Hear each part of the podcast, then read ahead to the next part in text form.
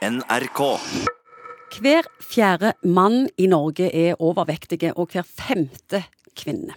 Og nå tar om lag 3000 nordmenn i året fedmeoperasjon for å få vekk dette overflødige fettet. Hva er egentlig en fedmeoperasjon, Morten Munkvik? En fedmeoperasjon er noe som tilbys de som har eh, høy BMI, altså høy kroppsmasseindeks. Over 30 tror jeg grensen er på de fleste sykehusene i landet.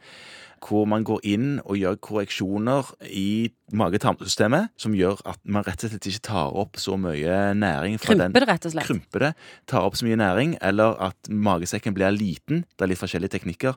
At magesekken blir så liten at den får en metthetsfølelse veldig fort og ikke spiser så mye. Om dette er en latmanns slankekur, eller er det virkelig smart og nyttig? Det er jo ingen som ønsker å bli slankeoperert. Fordi de som blir slankeoperert, de kan få problemer med malnutrisjon. Altså de rett og slett ikke tar opp alle næringsstoffene som de skal ta opp, og får problemer med det. Det er veldig mange som må gå på substitusjonsbehandling for vitaminer og næringsstoffer pga. slankeoperasjonen. Og de, alle som har blitt tilbudt slankeoperasjon, har før prøvd alle mulige vis med mer eller mindre dedikasjon å gå ned i vekt. Så dette her er ikke noe sånn eh, Dette er siste utvei, og- faktisk. Ja, dette er siste utvei. Dette er sånn man tilbyr til de som virkelig har prøvd alt og rett og slett ikke klarer det. Fortell om eh, fordelene og òg ulempene. Fordelen er at du eh, nesten garantert går ned i vekt og holder varig lavere vekt. Det er veldig vrient å øke vekten etter at du har gjort en sånn slankeoperasjon. Bivirkningene? Bivirkningene er det at du får problemer med næringsopptaket ditt. Det er ikke så mye smerter. Det er relativt små kirurgiske inngrep på utsiden. Men problemet kan være at du ikke klarer å spise, rett og slett spise nok fordi at du får metthetsfølelse for fort. Du får stinnhetsfølelse, blir ubehagelig og vondt.